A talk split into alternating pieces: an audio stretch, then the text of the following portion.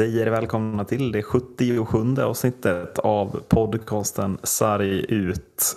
Eh, ska vi börja idag med lite hederligt domarsnack? Det var väl ändå ett tag sedan, Ellebäck? Ja, det var väl det. Eh, Eller bedömningssnack? Ja, bedömningssnack kanske. Domarsnack eh, har vi väl kanske varit inne och touchat på ett tag, men, ja. eller några gånger. Men ja, bedömningen var nog ett tag sedan, eh, så det blir väl lite kul. Eh, såg ni Johanni Tyrveinens tackling på Joey Leleja igår? Det så är klart. onsdag mm. när vi spelar in det här, så igår tisdag. Då. Det gjorde vi. Eh, jag, jag, skrek ut eh, att det är en av säsongens fulaste tacklingar. Eh, håller ni med mig? Eller vad? Ja. Anser ni något annat?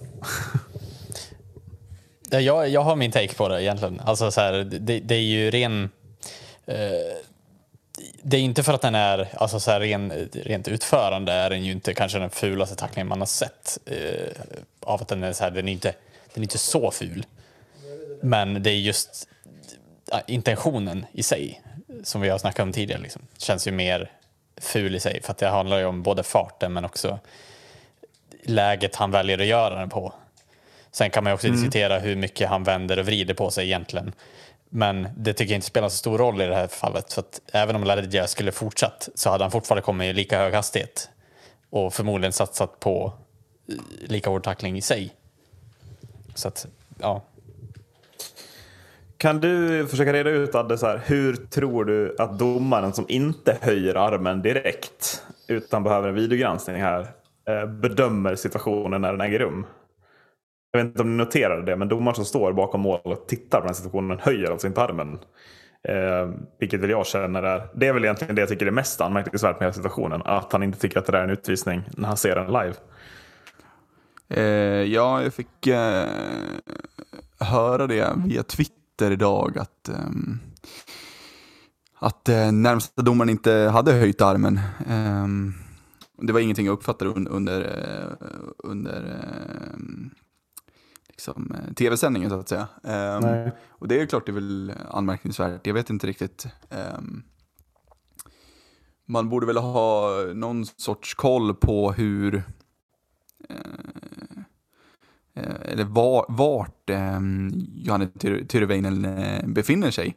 Um, och ser den farten han kommer med. Um, det, det känns väldigt eh, konstigt varför man inte höjer armen där. Eh, jag vet inte hur det ser ut. Det, det är klart, eh, det är klart, vi kan ju sitta så här och, och, och, diskutera att varför höjer inte den närmsta domaren armen? Vi ska också vara medvetna om att det, det finns olika system som, som domarna jobbar med i fyrdomarsystem. Eh, vilka, eller vem som ska ta vilka utvisningar. Eh, om spelet är på väg ifrån, om spelet är på väg emot den och så vidare det kan ha någonting med det att göra. Jag vet inte, eh, bortre huvuddomaren, eh, om han rycker armen eller om, om, om de här, för jag, jag läste någonting om att visningarna kom efter att LaLeggia gav igen på Tyrväinen va? Ja, eller hur var det? De tittar ju på, ja, det, det är väl Ratty som ger igen. Just det, det blir väl igen. Ja, och sen så tittar de väl på båda för Uh, Ratty skickar ju på en knuff som ser ut att ta rätt högt och Tyrväinen faller ihop och håller sig för ansiktet. Så de tittar på båda situationerna. Mm. Uh, och bedömer väl där uh, ja, att det blir 5 plus game för Tyrväinen då. Sen, vad fick Ratty? Två minuter interference eller? Två minuter korsning? Ja, någon, två alltså. Två i alla fall. nej men så att jag, jag, vet, eh, om vi, bara, om vi bortser från eh, olika system och sådär så så känns det ju väldigt konstigt att närmsta domaren inte tar den här. Eh, för eh, det är väl klart att jag är inne på ditt spår. Ehm, Erik, det här är en eh, väldigt ful tackling, det är en väldigt hög fart. Ehm, och jag tycker det är konstigt att en återfallsförbrytare får fyra matchers avstängning för en sån här tackling. Eh, plus mm. 26 000 kronor i böter ska tilläggas också. Då, men ja. men eh, enbart fyra matcher eh, känns eh, lite för lågt. Mm. Men det var alltså så här, jag tycker ändå att sen när jag håller ju med Erik i det här fallet också. Så här, jag tycker att de här tacklingarna ska, ska försvinna från, eh, från hockeyn. Jag vet inte om du har sagt det också, Erik? Egentligen. Eh, du har väl Jo, varit den som men- har varit tidigast på att de här ska, Ja, nej, men, ska och, och fram, framför allt vill jag få bort de tacklingarna där, där man, alltså, nu säger alltså, det här kanske blir komplext, men där man åker rakt fram. Jag vet inte om ni fattar vad jag menar. Men att jag ser ju gärna att så här, Tyrväinen kanske mot slutet av tacklingen försöker se åt vilket håll LaLedja går och så liksom försöker smälla honom och ta pucken. Men det här är ju bara liksom, det är rakt fram, pang in i sargen och allting handlar ju om, liksom, då, då bromsas ju inte farten någonting heller. Eh, känner väl jag att det är, sån, det är sådana tacklingar i allmänhet jag vill få bort. Sen finns det ju tacklingar där, där en spelare kommer i hyfsat hög fart men ändå följer med spelaren åt det håll han vänder och sen blir det ändå en ryggtackling som också tyvärr alldeles för ofta kanske renderar i, i lite många matchers avstängning om man jämför med den här. Men jag, jag tycker att det, det är väl den viktiga distinktionen för mig att Tyrväinen verkar fullständigt skita i någon slags intention att ta pucken här, upplever jag. Eh, ja, nej men alltså, jag vet inte. Det, ja, ja, ja, ja ni, ni, så här, ni vet ju min take på den här eh, tacklingen. Eh, och det är väl egentligen, jag, jag säger ingenting om, om, om Tyrväinens liksom, Tyrväinens tackling. Det jag vill komma in på mer är hur LaLeggia agerar vid den här tacklingen. Ehm, det, det, det är en jätteful tackling från Tyrväinen. Det är eh, ofattbart tycker jag att det blir, bara blir fyra matchers avstängning. Den är verkligen vrålful. O, Men- Oavsett eh, LaLedjas eh, Oavsett. agerande tänker du här eller? Oavsett vad han gör, absolut.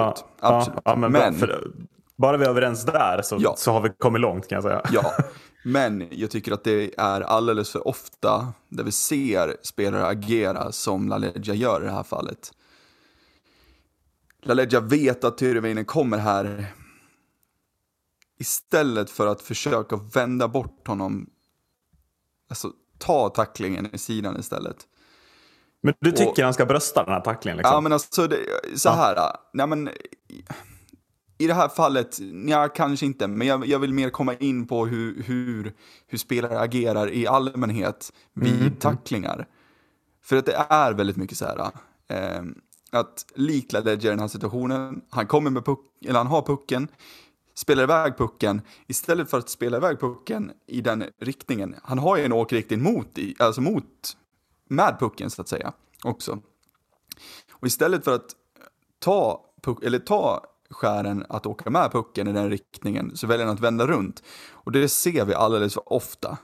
Att f- spelare försöker göra. Istället för att ta tacklingen så försöker man att vända bort. Och, alltså man måste börja komma till insikt med att det finns bara nackdelar med att göra det där. För att det, alltså det, han utsätter sig själv, eller de utsätter sig själva för en sån jävla skaderisk när de gör så. Jag anser att man hellre tar och bröstar tacklingen och så får det bli efter vad, vad, så får det bli vad det blir, lite så. Mm, mm. För när man gör som LaLeggia gör i det här fallet, ja men då blir den ännu farligare än vad den redan är. Det är mitt tycke. Men jag tar inte bort någonting från Tyrväinens fula agerande i det här fallet för att den är vrålful. Um, jag vill bara in och fingra lite på vad jag tycker, vad jag tycker med se för tendenser eh, uh, från spelare. Um, Ja, nej, men och där är jag med dig, för jag tycker också att det finns många situationer där det kanske blir väl höga utvisningar, eventuella avstängningar. Där en spelare kommer i lägre fart, visar en tydligare intention att ta pucken och sen så blir tacklingen i ryggen. Alltså för spelaren. Och det, jag tycker ju precis som du att den spelare som tar emot tacklingen har ju ett ansvar. Eh, problemet med den här tacklingen tycker jag jag att den som tacklar har ju också ett ansvar och det tycker jag inte Tyrväinen tar här. Men det finns ju absolut situationer där spelare tar, som ska tackla tar ansvaret för att tacklingen, göra den bra. Bromsa in tillräckligt, försöka sätta axel-axel och gå mot pucken. Som ändå blir bestraffade och, och där har vi absolut en problematik. Och en annan problematik tyvärr är väl, jag vet inte hur du tänker här Adde, men, men vad händer om LaLedja tar den här tacklingen i bröstet då? Blir det matchstraff då? Jag, jag är nog inte säker på det. Jag då känns det som att ah, men det är en ganska hård tackling. Två minuters charging typ. Att LaLedja också tänker att han ser tacklingen eller att Tyrén är på väg. Ja, men jag kanske måste ta den här smällen för att faktiskt visa hur ful den är också. Och det är väl det som är liksom en eventuellt sorglig utveckling. Mm, mm. Jag, jag, tycker att det har gjorts ett bra jobb eh, med, med just eh, att domarna ska gå in och ta de här, eh, där spelarna vänder runt eh, precis i, i sista skede och får smällen i ryggen. Det är ingenting i dagsläget när det är en vanlig tackling så att säga, en, en, ja, en normal tackling. Eh, då ska det inte utmynna i en eh, utvisning. Och det tycker, jag, det tycker jag är bra, det är ett bra steg. Um, men ja, som, som, du säger, det, det är ju inte alls säkert att det här hade varit ett matchstraff. Och det är ju inte alldeles säkert att det hade blivit någon påföljd med eh, en avstängning på fyra matcher om eh, LaLeggia hade bröstat den här. Eh, det måste man ju säga tyvärr. Um, de tendenserna finns.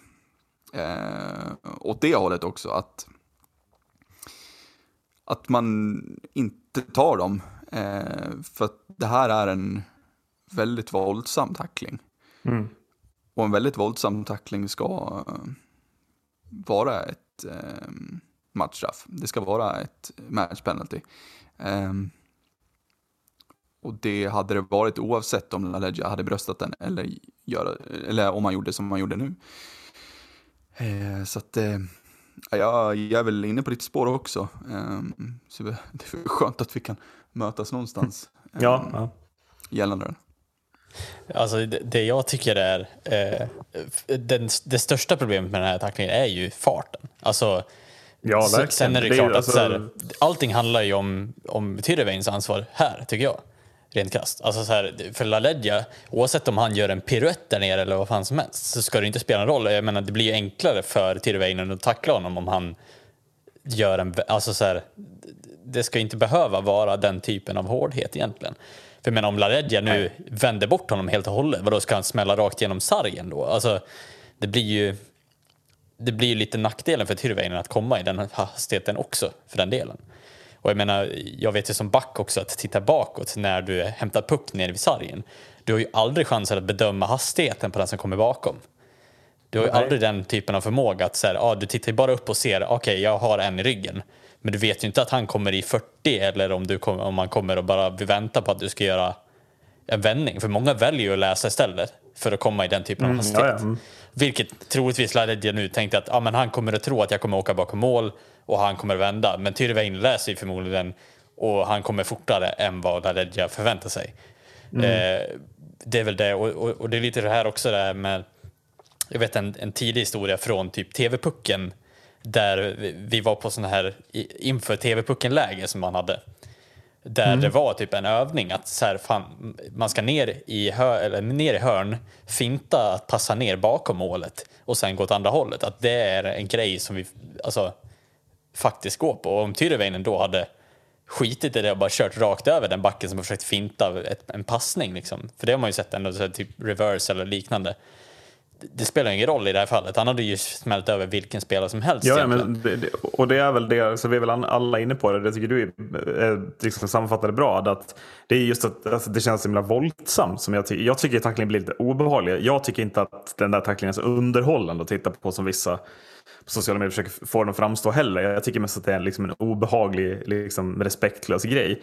Men är inte också, om vi drar vidare, men, men har vi inte också sett, alltså Tyrväinen är ju dels återfallsförbrytare, men har vi inte också sett några tacklingar från Tyrväinen som jag kan tycka är jävligt tveksamma som har friats under den här hösten och våren hittills.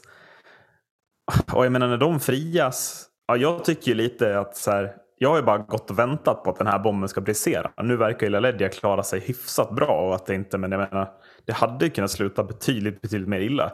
För att man inte har tagit, jag tycker ju att man kanske borde ha tagit en två minuters charging på Tyrväinen. För de tidigare tacklingarna. Som det också, alltså det har ju, de har ju hyllats liksom i sociala medier av Simors konton också. Det är ju liksom inget, de hyllas ju av stora hockeykonton på Twitter, Facebook och liknande. Så att jag kan känna att det finns att det, är lite, det är lite en bomb som briserar som också ja, hela liksom kollektivet runt hockeyn har hjälpt till att bygga upp just i Tyrväinens fall. Mm. Där, där man har tillåtit honom gå över gränsen, vad jag tycker, flera gånger utan att bestraffa honom.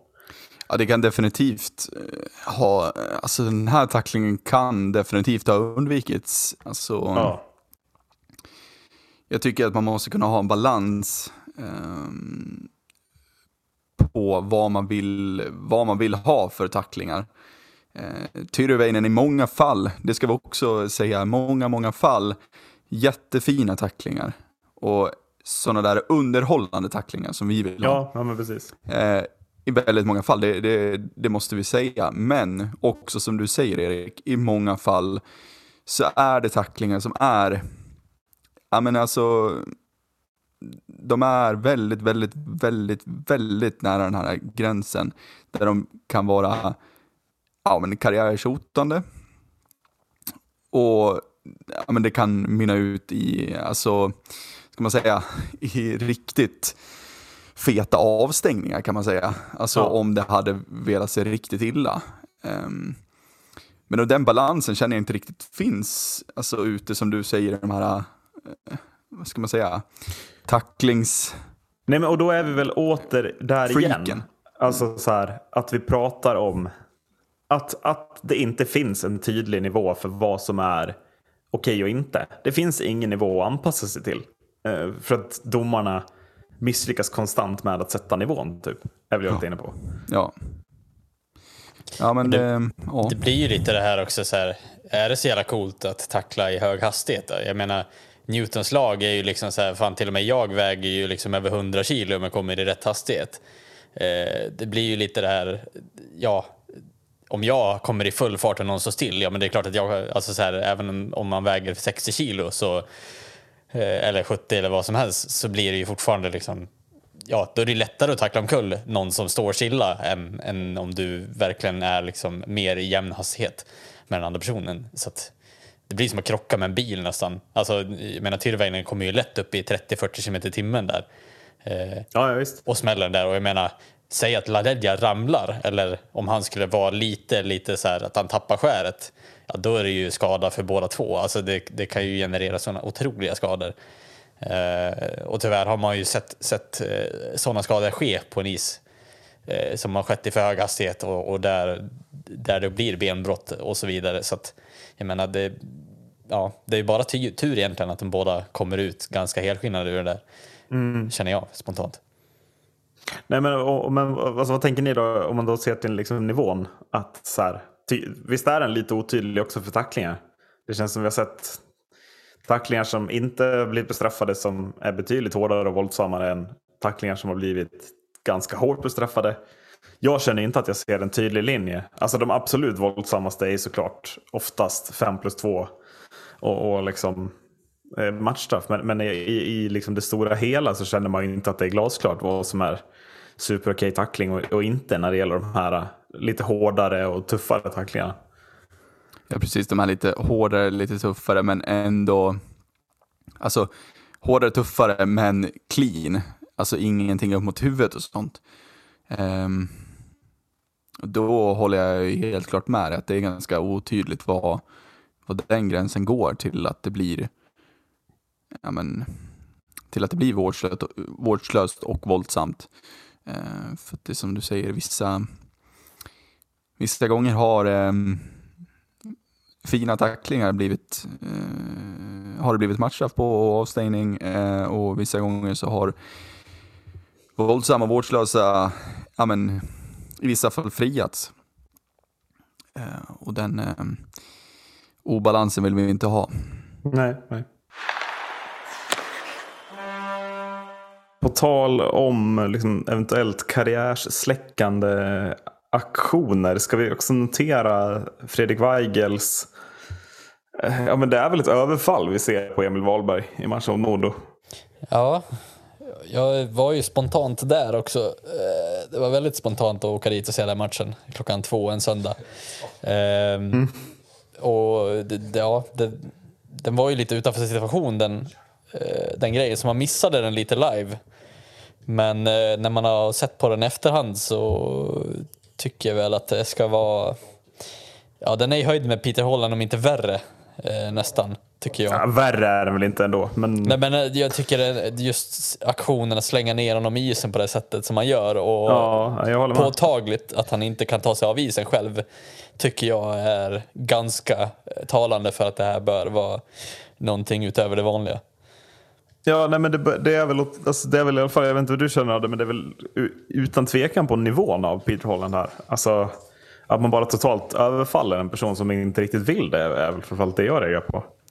Ja, eh, alltså jag är lite mellan er där. Alltså, jag både håller med, Mac håller med Macke men ändå inte angående att den nästan är snäppet värre än Holland. Eh, på det sättet som Weigel river ner den i isen och totalt eh, liksom inte kan försvara sig Wahlberg. Det är just det jag reagerar på. Att han ligger med ansiktet neråt mot isen. Um, och verkligen ja, men, kan inte försvara sig för fem öre.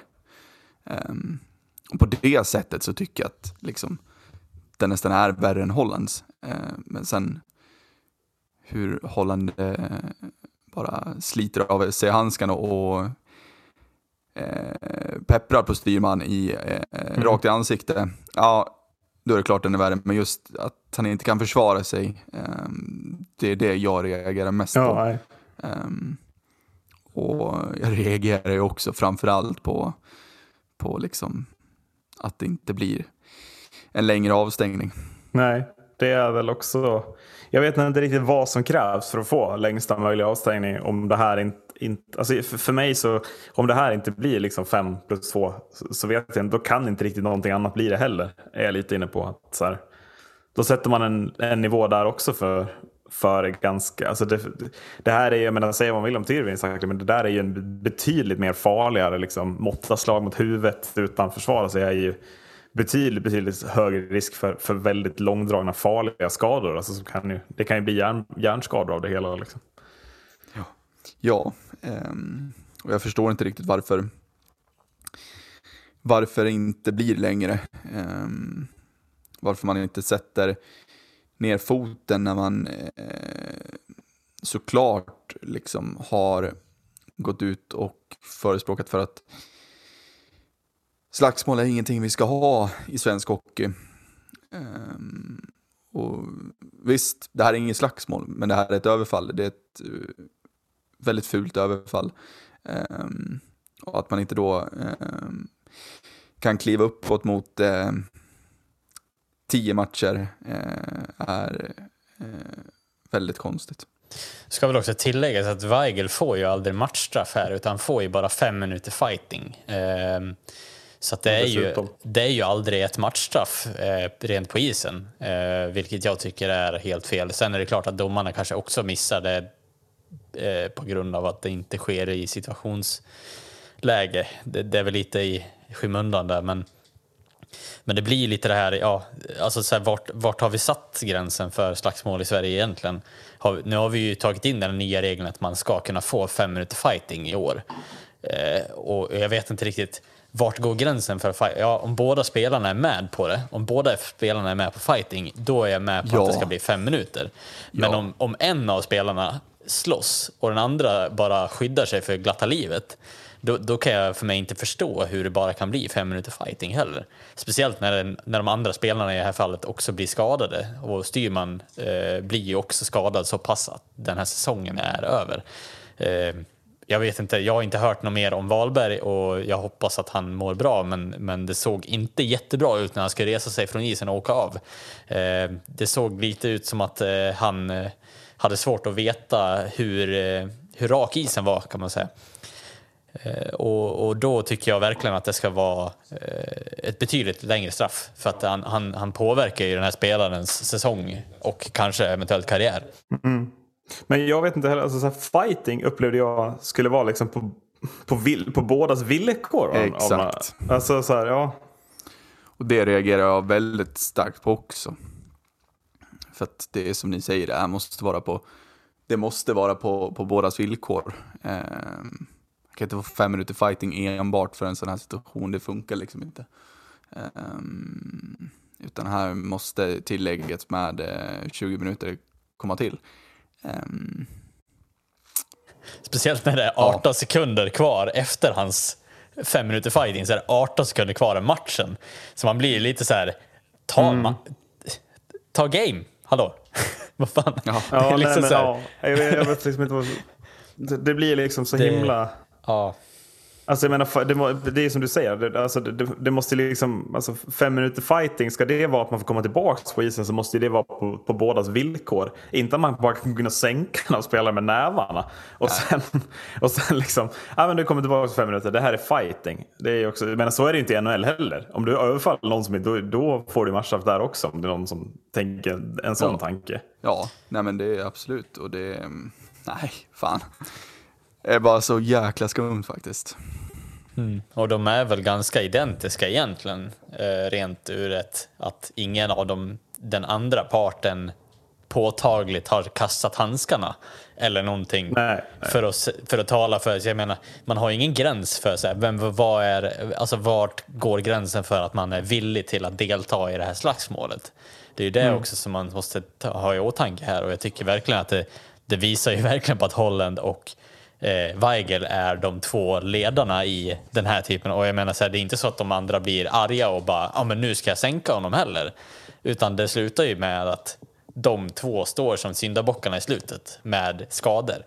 Och det tycker jag ska tala tillräckligt mycket för att det här ska vara betydligt värre. Ja, eh, lite bakläxa till domarna för fighting-regeln antar jag Anders. Och slutligen då så är det väl så jävla skönt att kunna konstatera att det inte blev något jävla OS-succé heller för Johan Garpenlöv. Som lyckas bränna bronset mot Slovakien i, eh, i Peking. Det är... Eh, Alltså det är, väl, det är väl också lite skönt att han inte får någon retribution för vad han har gjort med det här landslaget det senaste året. Kan jag känna. Eh, med facit i hand.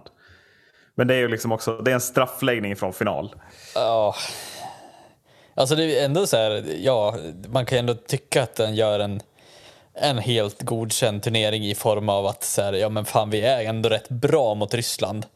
Men vad fan, det är ju, det är ju så påtagligt, eller påtagligt det här med vad är det för lag vi ställer då? Alltså så här, vi har ju hur många lägen som helst att stänga den här matchen och ändå ska vi klanka ner oss på att det är straffläggningen som spelar roll. Alltså vi, vi hade kunnat avgjort den här tio gånger om om vi bara hade satt våra chanser. Och vad var det vi inte tog med till den här turneringen? Ja. Personer som kunde göra mål. Jag, tror att, jag, jag tycker att det räcker gott och väl för att, för att det här argumentet ska gå hem. Eh, och jag menar, vi, vi försöker inte sänka någon alltså spelare eller person att de är dåliga i den här turneringen. Det handlar Nej. ju bara om att ha de olika rollerna som fyller syftet att spela ishockey. Eh, Och då kan man inte ha 22 man som bara ska spela destruktiv hockey eller råka göra mål. Alltså det, det, det funkar Nej. inte i en sån här turnering tyvärr. Nej. Nej, och det blir någonstans här. Släpper man in ett mål mot det ryska laget så har man inte riktigt råd att inte vinna efter full tid, det är jag inne på. Alltså, de måste, alltså, det, det, det, hade, det hade räckt med någon skarpskytt. Alltså, han hade inte behövt ha med tre skarpskyttar. Det hade räckt med en eller två som bara får sitt läge. Eh, för att det räcker ju att göra två mål. Ryssland, jag tycker, alltså, visst de går till final, men de lämnar inte den här turneringen som, som någon form av succé, tycker jag. Jag, jag är ganska besviken på Rysslands sätt i den offensiva kraft de faktiskt har, ju, vad, vad de faktiskt åstadkommer. Eh, och då känns det som att när man får med sig den segern mot Kanada, allt känns frid och fröjd. Och liksom, det känns perfekt. Och så får man med sig det här mot Ryssland och så blir det ändå att man så ett mål gör ryssarna på full tid och det räcker för att, för att slå Sverige. Man hamnar i någon jävla form av falsk trygghet över att slå Kanada också som är liksom halvmediokert på något vis. Eh, det är liksom, man har duktiga spelare i Kanada men man har ju också så här, ja, vad är det man plockar liksom så här, det är juniorspelare, det är Eric Stahl som inte riktigt har en plats i något NHL-lag heller utan sitter som free agent. Jag menar det är ju ändå nästan någonstans sämre än att vara, spela i KL kan jag tycka. Även om Jo, har men, en bra och jag menar, man vill om Owen Power, men det, det är ju fortfarande en college-spelare som kommer att spela den här OS-turneringen som deras första back typ. får man inte glömma, känner jag. Precis, han har inte spelat en enda match i NHL, även om han skulle göra det egentligen. Eh, så har han ju inte spelat en enda match, utan bara spelat college mot de här spelarna som faktiskt spelat, sen, spelat seniorhockey i typ tio års tid. Eh, då tänker jag framförallt på Anton Lander och så vidare. Eh, så att, ja, jag vet inte, jag tycker ändå att vi ska ha högre, vi ska ha de förväntningarna på att vi ska slå det här Kanada med de här spelarna vi tar med. För att Kanada mm. har inte så pass namnkunniga spelare med i år i det här OS. Ja, nej, ehm, det är klart. Man kanske inte skulle, eller jag vet inte om man gjorde det heller, men eh, runt om i Hockey-Sverige kanske eh, hypade segern över Kanada lite för mycket. Men så blir det också alltid, eller? Alltså så här, jo, men det, så är det också. Alltså, Sverige, svenskarna älskar när Sverige slår Kanada, det är väl så enkelt. Absolut, men sen också ska vi komma ihåg, alltså som vi var inne på förra avsnittet också, att eh, hur tas eh, den här OS-turneringen emot i Kanada? Det är lite så man får tänka också. Mm. Vi vinner mot Kanada och sen, ja, det, det, det är ju alltid fint att göra det, men måste man ju kanske kolla lite mera eh, på detaljerna vad som, vad som ställdes på banan. Eh, och det är klart att det var inte ett slagkraftigt Kanada. Ehm, de fick utdelning på, på några spelare. Ehm, och det är klart att sådana spelare steppar upp när man får mer förtroende, mer istid.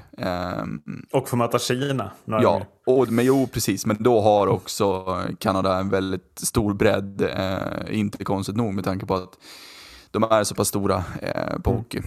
Um, så har de en stor bredd där det är väldigt, väldigt många bra spelare. Um, så att, ja, absolut. 2 mot Kanada, fint, uh, men mm, eh, att man åker dit som man gör i bronsmatchen. Ja, Ska vi gå dit? Alltså, roligt. För det är väl ändå liksom... Där kulminerar väl på något sätt Johanna Garpenlövs haveri. Grädden på moset. Det, det, det, är väl liksom, ja men här, är det, här, här, nu kan det inte bli sämre. Nu har vi nått rock bottom. När vi alltså får chansen att ta medalj. Det är Slovakien som står där, det är inte USA, det är inte Kanada, det är inte Tjeckien, det är inte Schweiz. Alltså det, det finns så många tuffare motståndare. Och man gör inte ens mål på Slovakien. Nej, man gör inte ens mål. Det är det I en som... match som medalj. Alltså man, ja. man blir förnedrade av, vad hette han 17-åringen? Slavkovski. Han var ju bättre än alla forwards i vårt jävla lag. Ja. Eh, alltså, är inte det så jävla deppigt? Att vi inte ens liksom, kan vi inte lösa defensiven mot Slovakien då? Nej, det kan vi tydligen inte göra. Jag vet inte. Ja, det är ju ja. otroligt skumt. Alltså just defensiven trodde jag vi skulle lösa, men eh, ja, det kändes eh, spontant som att så här, ja, 4-0 kändes väl ganska, ja, haveriet eh, var fullbordat där, tyvärr. Ja. Eh, och det var väl lite så här, man, man gick in med känslan att ja, men det, det känns lite tråkigt att, att eh, med både haveriet i VM och ja, men, lite av haveriet i lagbygget skulle gå vägen den här gången. Man känner inte så här, man vill inte ha den här argumentationen, sitta så här, ja men vad var det jag sa, det här var det bästa lagbygget. Det hade jag inte tålt i, i läget att, ja men om vi nu hade gått längre. Nej, att, det här var, att det här var rätt. Och jag tycker att nu är det dags att bara lämna över pinnen och erkänna sig liksom besegrad i princip. Att det gick inte hem det här och det funkade inte, ja, men då är det så. Det är inte så att jag tycker att Garpenlöv är dålig på något vis eh, på det sättet, men eh, jag tycker bara att han inte har passat just i formen av att bygga ett lag som ska vinna internationellt. Eh, och jag tycker också att för, för svensk ishockeys framtid också ska man våga bygga lite annorlunda eh, än att bygga liksom stabilitet bara. Mm, och det är väl det Sam Hallam kommer in och gör nu, är känslan. Mm, hoppas vi i alla fall. Ja, alltså, kom igen nu Sam. ja. Ja, men han... Du har världens enklaste uppgift framför dig. Ja. Alltså han kan inte misslyckas. Till och med det... jag hade kunnat gå in efter Garpenlöv och gjort ett bra jobb.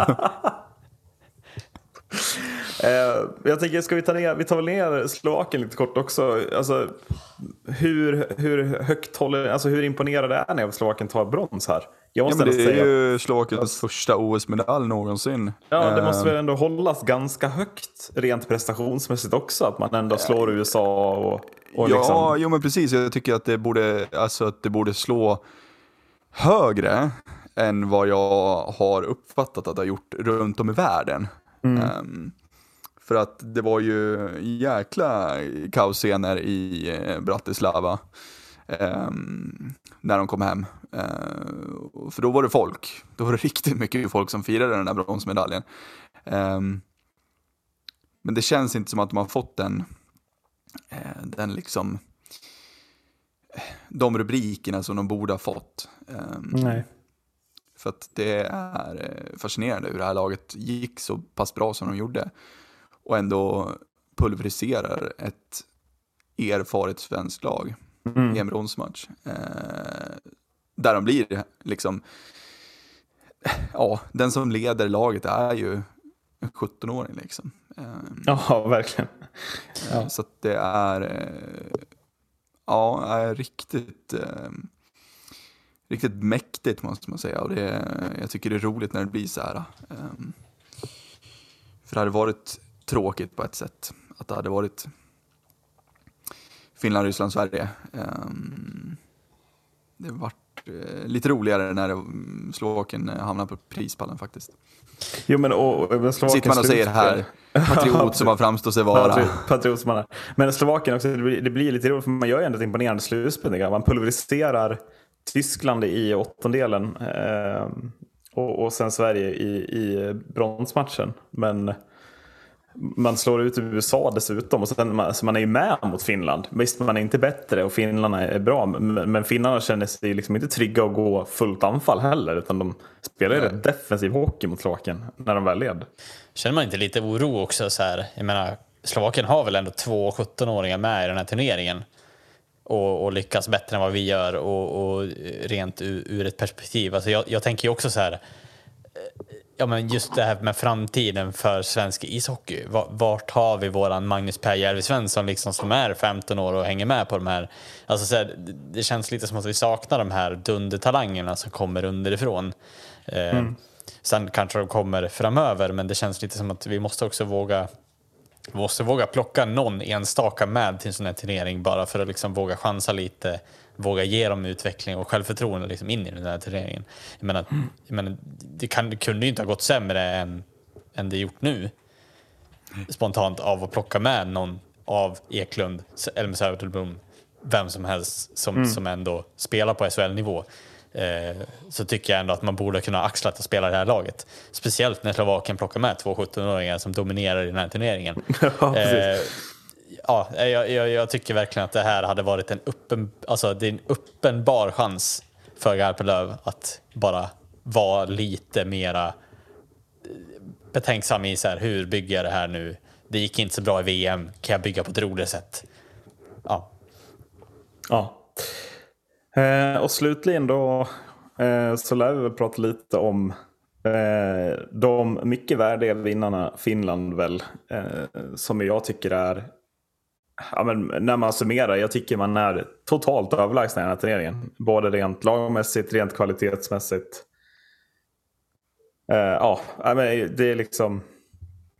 Jag är imponerad av Finland som, som ju faktiskt eh, får ihop ett lag som är faktiskt näst, alltså stundtals spelar ut Ryssland, det är jag, liksom, tycker jag. Mm. Och den vändningen de gör mot Sverige är ju en håll käften-vändning av Guds nåde, skulle jag vilja säga också. Jag är, eh, jag jag, ja, absolut.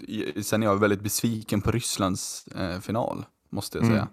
Ja, hela turneringen Det är 1-0 ja, och 2-0 och 2-1 liksom. Jo, men det kändes också som att de här matcherna, ja, vi vet hur det brukar se ut i VM till exempel, ja, för Sverige eh, och så vidare i gruppspelen. Att man tar sina segrar, eh, men att man eh, har en eller två växlar till att lägga in och man gör det.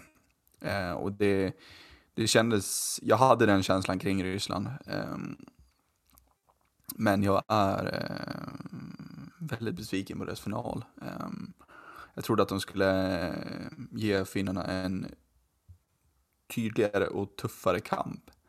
Ehm, Ehm, men jag tyckte inte alls att man bjöd upp till dans. Um, jag tycker att, um, att finnarna är ruskigt bra. Mm. Finnarna hade väl också så här, eh, också ett litet äldre lag egentligen med. Det är väl Marco Antila egentligen som avgör hela turneringen med sitt 2-1 mål. Eh, om jag inte är helt fel ute. Men, men eh, också så här, det känns som att Finland också... Jag, jag känner lite en generell oro över, över Europas utveckling här. Eh, att, att det känns som att vi, vi, lite, vi lite står still och är nöjda och glada med hur våran ishockeyutveckling är. Medan Finland och Slovakien och Tjeckien, och, alltså det känns som att de börjar springa ifrån oss lite. Du menar Sveriges hockeyutveckling? Ja, Sveriges hockeyutveckling. För, för alla länder du precis sa ligger i Europa. Som var...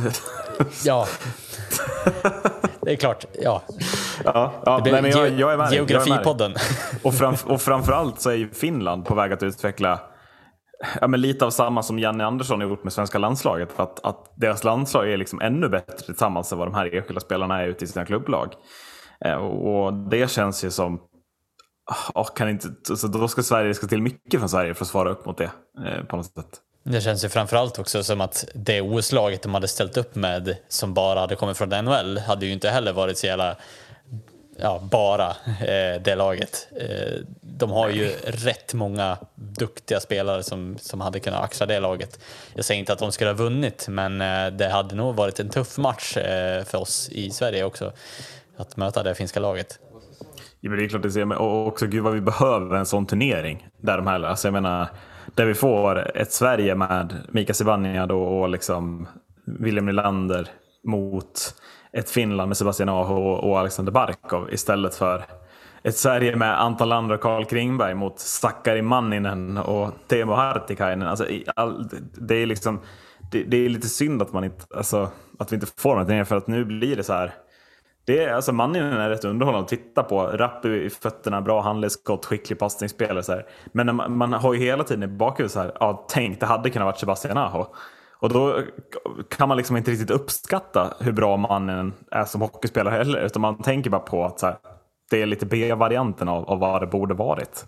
Mm. Vad, har vi, vad har vi för första kedja på, på Finland? Är det, är det Mikko Rantanen? Barkov Aho. Ja, ja, det är ju vad en otrolig första Rantanen? Barkov Aho. Ja. Mm.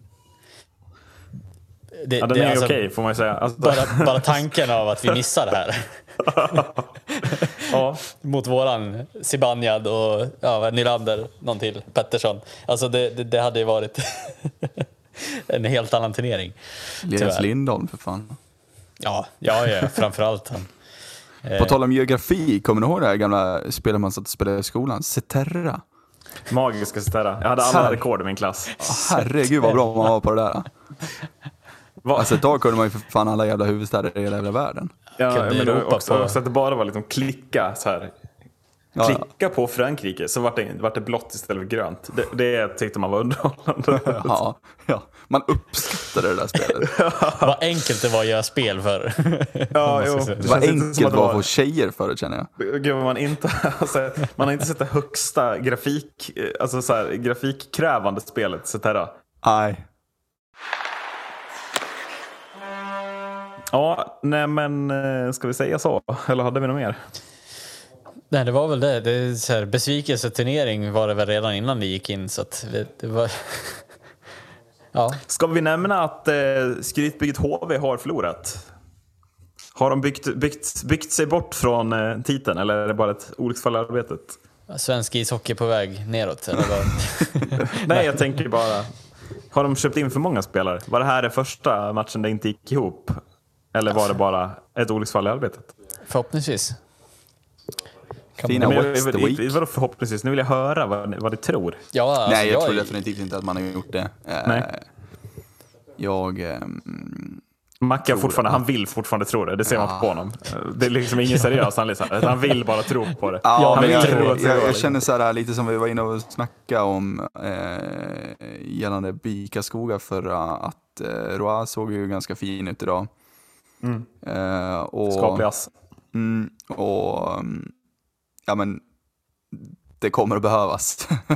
det såg, du, såg ni Eliseus mål? Du har sett det Marcus antar jag? Jag har faktiskt inte gjort det. Nej, du Faktiskt. kommer bli glad. Du kommer bli glad. Eh, för att det där...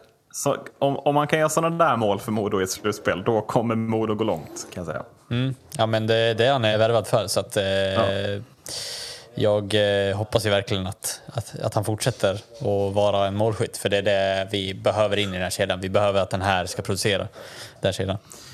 Ja, och medan Roa assisterar till Karlskogas mål, Jelisejevs mål för Modo, så torskar Mora borta mot Troja Ljungby med 7-6. Härligt med sju insläppta mot jumbon så här en onsdag kväll. vad, vad borde Mora gjort lite mer i den matchen kanske? Man borde ha spelat sarg ut. Det borde man fan i mig gjort. Tack för att ni har lyssnat. Hej då. Hej! Åh, vad dåliga vi är på ishockey!